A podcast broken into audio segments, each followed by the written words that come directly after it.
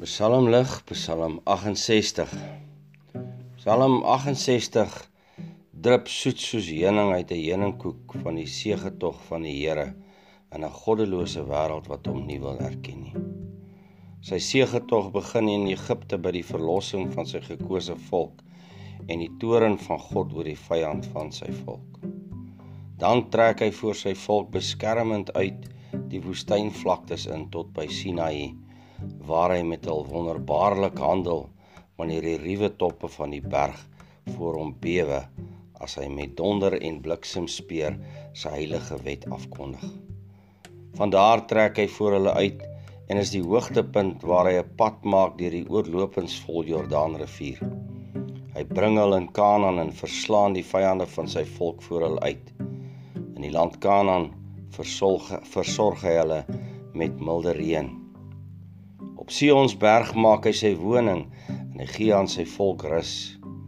Self is daar vir hom egter geen rus nie, want in Christus word die seëgetog verder gevoer deur versoeking, stryd en graf en oorwinnend oor die magte van die hel vaar hy op om finaal alle mag in hemel en op aarde in te span om sy volk te bring tot die hemelse Kanaan. Psalm 68 vers 4 sê dit so mooi o God toe u uit slawerny u volk na Kanaan heen wou lei om voor u oog te huppel het onweer hul vooruitgestreef. Die aarde het gesidder beef die hemel het gedruppel.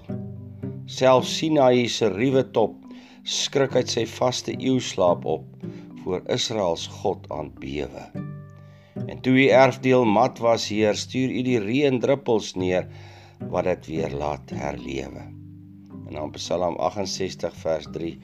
Hoog bo die onreg wat hier woel, staan God se heilige regterstoel vanwaar hy in ontferming die weduwee sal reg verskaf. Die wees se onderdrukker straf en waak tot hul beskerming. Wie eensaam is, omstel hy in die volheid van 'n huisgesin en breek die slawebande van wie hier in gevangenes smag. Maar wie hom hoon in sy gesag, die woon in dorre lande.